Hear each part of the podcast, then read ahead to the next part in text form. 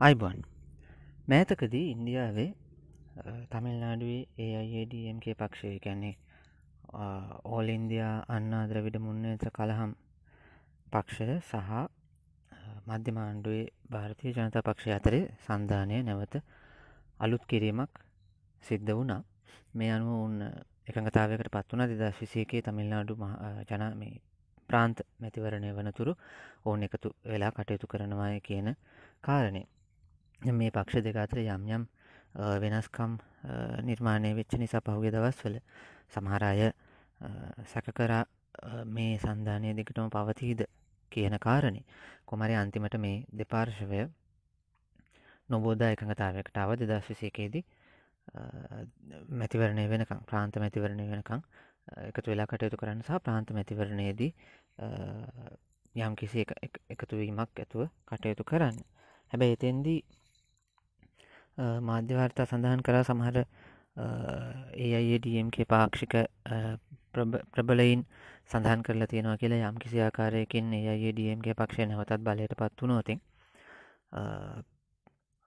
ඔවුන් තනිව රජයක් පිහිටුවන බව එකන භාරතය ජනතා පක්ෂය අය රජයට සම්බන්ධ වීමක් සිද්ධ වෙන්නේ නැහැ කියන එක.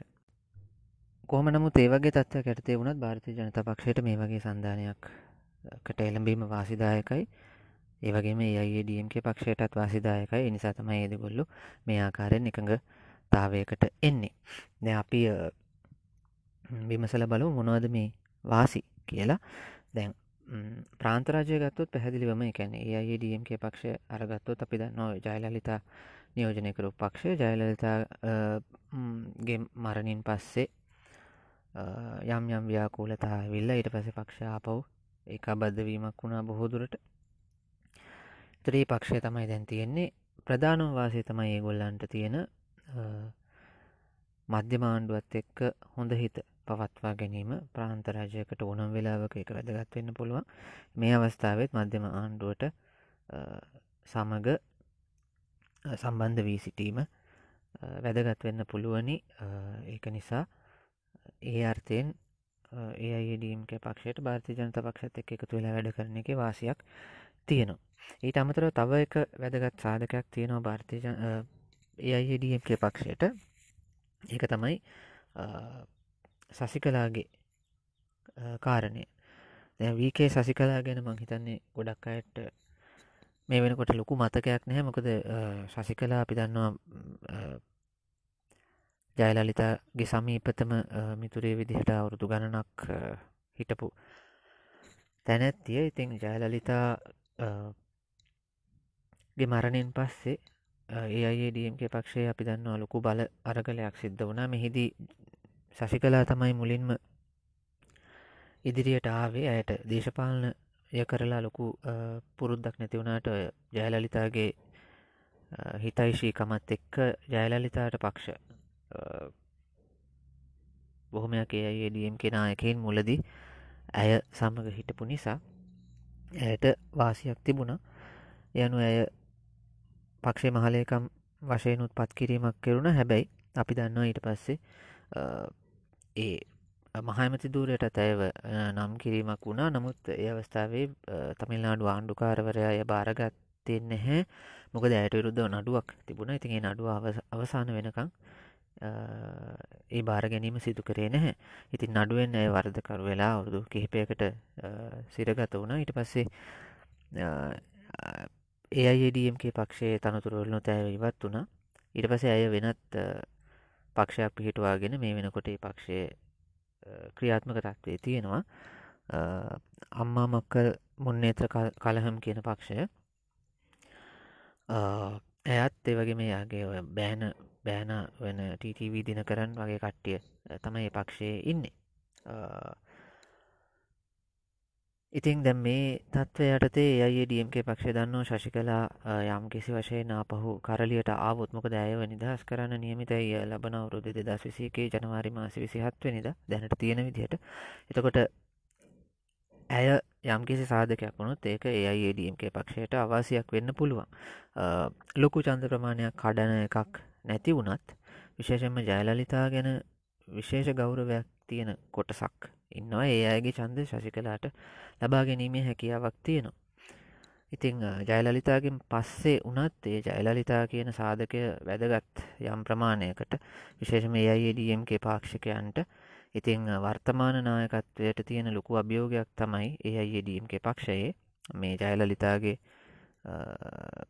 අනුගාමිකයින් ඒ ආකාරයෙන් තමන්ගේ පක්ෂ තුළ පවත්තා ගැනීම. ඉතින් ශෂි කලා ප්‍රශ්නයක් වුණෝතින් ඒ ඒක අර්බුදයකට යන්න ඉඩ තියෙන යම්කිසි චන්ද ප්‍රමාණයක් කැඩෙන්න්න ඉඩ තියෙනවා. ඉතින් තීරණාත්මක චන්දයකදී එක වැදගත් වෙන්න පුළුවන්. ඇතම ආසන කිහිපයක් වුණත් යන්න ඉඩ තියෙනවා. ඉති ඒ කාරණය නිසා ඔවුන්ට අවශ්‍යයි ශෂි කලාව යම් කිසි කන්ට්‍රෝල් එක තියාගන්න. ඒ කන්ට්‍රෝල් එක තියාගන්න පුළුවන් සෙන්ට එකට. ගැන මධ්‍ය මාණ්ඩුවට මොකද හේතු ශිකලට රුද්ධ විධ චෝදනා තියෙනවා. ඉතින් ඒවා විභාග කරන බවට ඇඟවීමක් සිදු කිරීමෙන් හෝ වෙනත් ඒ වගේ දේශපාන ඩීල්ල එකත් තමයි. වගේ දෙයක් මගින් ශෂි කලාව නිශ්ශබ්ද කරගන්න පුළුවන් වුණෝතින් එය වාසිදායක වෙන්න පුළ ඒක කරන්න පුළුවන් මධ්‍යමාණ්ඩුවට ඒ නිසා භාර්තය ජනත පක්ෂය වැදගත් වෙනවා. ඒ අයියේ ඩම්කකට ඒ අර්ථයෙන්. ඉතිං ඔයිට අමතරව දැන් ප්‍රධාන විපක්ෂය ඩම්ක පක්ෂය බලාපොරොත්තු වනා දෙදස් දාසේමට කලින් මැතිවරන ජයගනී කියල. නමුත් ජයග්‍රහණය කරන්න බැරි වුණා. ඉතින් දශක තුනකට විතර පස්සේ පලවෙනි වතාවට ඒයේ ඩම්ක පක්ෂයට පුළුවන් වුණා. තමිල්නාඩුවේ දශක තුනකට විතර පස්සේ පළමු වතාවට පිට පිට දෙවරක් මැතිවරණ ජයග්‍රහණය කරන්න. දැන් ඔවුන් බලාපොරොත්තු වෙනවා පිට පිට තුන් වරක් ජයග්‍රහණය කරන්න. භාර්තය ජනතා පක්ෂය සම්බන්ධයෙන් ගත්තොත් ඒක ඒ අයට තියෙන ප්‍රධාන කාරණය තම ඒගොල්ලන්ගේ උපක්‍රමය. ගොල්ලු අපි දන්න මුලින්ම ඔය හින්දුත්ව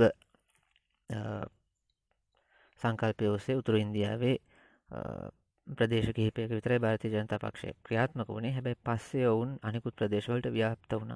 ඒ අයි ව්‍යාප්ත වෙච්ච ප්‍රධාන කාරණයක් තමයි ප්‍රාදේශය වශයෙන් ප්‍රබල පක්ෂයක් එක එකතු වෙලා සන්ධානයක් හදාගෙන ඊට පස්සේ සන්ධානය හරහා ගොල්ලන්ගේ පක්ෂය තමන්ගේ පක්ෂය ඒ ප්‍රදේශවල ව්‍යාප්ත කර. දැන් අද වෙනකොට කවදාවත් භාරතය ජනතා පක්ෂය පැතිරෙන එකක් නැහැ කියල හිතපු මනිපූර් නාගලන් නාගලන්තය වගේ පලාත්වල පවා ප්‍රාන්තවල පවා ප්‍රබල සාධකයක් බවට භාර්තය ජනත පක්ෂ පත් වෙලා තියෙනවා ඒවගේම ඒක ඊළඟ පියවර තමයි ඒ අයි මුලින්ම සන්ධානගත වෙලා ප්‍රාදේශ පක්ෂක් එක්ක පස්සේ ඒ සන්ධානගත වෙච්ච පක්ෂයටත් අභිබවා යමින් තමන්ගේ ජාලය හදාගෙන ප්‍රබල වෙන ඒක අපි දැක්කා බිහාර්වල. දැ බිහාර්වල ඔවුන් මුලින්ම එතෙන්ට ආවේ සන්ධානයක් විදිහට හදාගෙන. නමුත් මේ වෙනකොට බිහාර්වල ප්‍රබලම පක්ෂ බවට භාරතය ජනතා පක්ෂය පත් වෙලා තියෙනවා. ඒ කාරණයේදී ඇතරම අපි දන්න අමිත්‍රා ඔවුන්ගේ ප්‍රධාන සංවිධායකය වශයෙන් තා විශාල කාර්භාරයක් කරනවා. ඉතිං අමිත්‍රා ගැන තමිල්නාඩු උපමහ ඇමති ඕපන්වීර් සෙල්වන් බොහම ලස්සන ප්‍රකාශයක් කරලා තිබ ඔහු උපක්‍රමයේ කෙල පැමිණියෙක් නූතන චානක්‍ය කෙනෙක් කියලා. ඉතිං අමිත්‍රා තමයි මේ පාර්ති ජනත පක්ෂයේ සංවිධානාත්මක මොලය. හැබැයි ඔය ගොඩක් ප්‍රාදේශය ප්‍රදේශවලට ඔවුන් ව්‍යාප්ත වනේ මුලින්ම ඒ ප්‍රදේශයක සන්ධානයක් හදාගෙන. ඒක වාහනය කරගෙන පස්සේ ඒ වාහනින් බැහල ඔවුන් තනියම යන තත්වයට ඔවුන් පත්වෙනවා දැන් මේක තමිල්නාඩුවේ කරන්න ටිකක් අමාරු වෙලා තියෙනවා. ප්‍රධාන වශයෙන් හේතුවක් තියෙනවා. මොකද භාර්තය ජනතා පක්ෂය ගැන තමිල්නාඩුවේ තියෙන අදහස තමයි යක උතුර ඉන්දයානු බ්‍රහ්මින් ප්‍රක්ෂ පක්ෂක් කියන එක. දැන් අපි දන්නවා තමිල්නාඩුවේ ප්‍රබලම දේශපාලන සාධකය වෙන්නේ ද්‍රවිඩියන් ව්‍යාපාරය. ඔය ද්‍රවිඩ මුන්නේත කාලහම් ඒ අයිඩම්කේ වගේ පක්ෂ ගොඩක් බිහිවෙන්නේ ඒ ඔස්සේ. ඒ අය ඇත්තනම් බ්‍රහ්මින් ක්‍රමයට විරුද්ධ කට්ටිය. එතකොට ඒ නිසා උතුරු ඉන්දියාව බ්‍රහ්මින් පක්ෂයක් විදිහට භාරතය ජනතා පක්ෂය පිළිගැනෙන නිසා භාර්ති ජනත පක්ෂයට ලොකු සහයෝගයක් තමිල්නාඩුවෙන් මේ වෙනකං ලැබිල නැහැ. ඇතරම තමිල්නාඩුව තමයි භාරතය ජනත පක්ෂයට ලොකුම අභියෝගය බවට පත් වෙලා තියෙන්නේ දකුණු ඉන්දියාව අනෙකුත් ප්‍රදේශවල. පවා මේ වෙනකොට තමිල්නාඩුවේ මේ දකුණු ඉන්දියාව අනෙකුත් ප්‍රදේශවල උනත් ද්‍රවිඩියන් ප්‍රදේශවල භාරතය ජනත පක්ෂය යම් කිසි ෆුට් හෝල්ඩ එකක් අරගෙන තියෙන යම් කිසි ප්‍රබල තැනක ඉන්න ඇත්තටම. ව්‍යාප්ත වෙලා තියෙන පහුගේ අවුරුදු දහය පහලව ඇතුළත විශේෂම පහුගේ අවුරුදු හය හත ඇතුළත නමුත් තමිල්නාඩුව තාම ඒගොල්ලන්ට අත තියන්න පුළුවන් වෙලා නැහැ. ඉතින් තමිල්නාඩුව ගැන තමයි භාරතය ජනත පක්ෂය අවධානය තියෙන්නේ. ඉතින් ඒ සම්බන්ධයනුත් විශේෂ අවධානයක් සමහරට විශේෂයෙන් අපිට පේන තමිල්නාඩුවේ තරුණ ප්‍රජාව සම්බන්ධයෙන් යම් කිසි අවධානයක් භාරතය ජනතා පක්ෂයේ තියෙනවා කියලා එතකොට මේක මේ අදහෙට ඉවර වෙන ප්ලෑන් එකක් නෙමෙයි මොකද උන්දන්න තමිල්නාඩුව කියන්නේ අනෙකුත් ප්‍රාන්ත වගේ මේ ටිකක් ලොකු අභියෝග අනිකුත් ප්‍රාන්තල තියෙන වැඩියෝ නාගලන්තේ මිසෝර මනිපූර් වගේ ප්‍රාන්තේ ප්‍රාන්ත පොඩි. ඒ ප්‍රාන්තවල යම් කිසි සාධකයක් බවට පත්වෙන්න වෙන වෙන කාරණ බලපානො මෙතන තියෙන කාරණය මෙතන ප්‍රාන්තය ලොකුයි. විවිධාකාර කුලවලට අයිති අය ඉන්න පොදුවේ ද්‍රවිඩියන් ව්‍යාපාරය විදිහට පොදුවේ බ්‍රහ්මන් කියන අදහසක් තියෙන වගේ පක්ෂයකට තියෙන විරෝධය නිසා හින්දුත්ව කාරණයට ලොකු ඊට වඩා ඔය ද්‍රවිඩියන් ව්‍යාපාරයට ලොකු තැනක් තියෙන නිසා එතන කඩාගණ්ඩ බැරි වෙලා තියෙනවා. හැබැයි මංහිතන්නේ මේ ගොල්ලු මේ කෙටිකාලීනගේම එකක් නෙමේ මේ ගහන්නේ. ඒක නිසා දීර්ඝ කාලීනව අර පන්නීර් සැල්ලුම් කිව වගේ අමිත්‍රාගේ චානක්‍යගේම එක බලාගන්න පුළුවන් තමිල්නාඩුව ඉස්සරහට. ඒක කොටසක් තමයි ඒ අයඩියම්ක එකත් එක දිගටම රැඳී සිටින එක. ඉතින් ඒ අයඩියම්ගේ පක්ෂ අපි දන්නවා ජයලතාගෙන් පක්සේ සිද්ධ වෙච බලාරගල වලින් පස්සේ එක වෙනම කතාවක්. නමුත් මේ වෙනකොට මූලික වශයෙන් එක්සත් වෙලා තියෙනවා. ඉති ඔවුන් බලාපොරොත්තු වෙනවා ඊළඟට බලයට එන්න පුළුවන් වේ කියලා. භාර්තය ජනත පක්ෂ උත්සා කරන්නේ යයිඩීම්ක පක්ෂ පාවිච්චි කරලා මේ වෙලාවේ තමන්ගේ ව්‍යාප්තිය. තහවුරු කරගන්න. යම් කිසි ප්‍රමාණයකට. ඉතිං ඕක තමයි ඔය සන්ධානය කතාවේ හේතුව. අපි භාර්තය ජනත පක්ෂය ගැන කතා කරන්න තවත් දේවල් තියෙනවා. ඔය තරුණ නායකත්වය ගැන කතන්දරේ. එතකොට අනික් පැතර කොංග්‍රස් පක්ෂයට මොකක්ද වෙලා තියෙන්නේ කියන කතන්දරේ වගේ දේවල් අපි ඉස්සරහට කතා කරමු. අදට එහෙනම් අපි එතනින් නතර වෙන්නම්.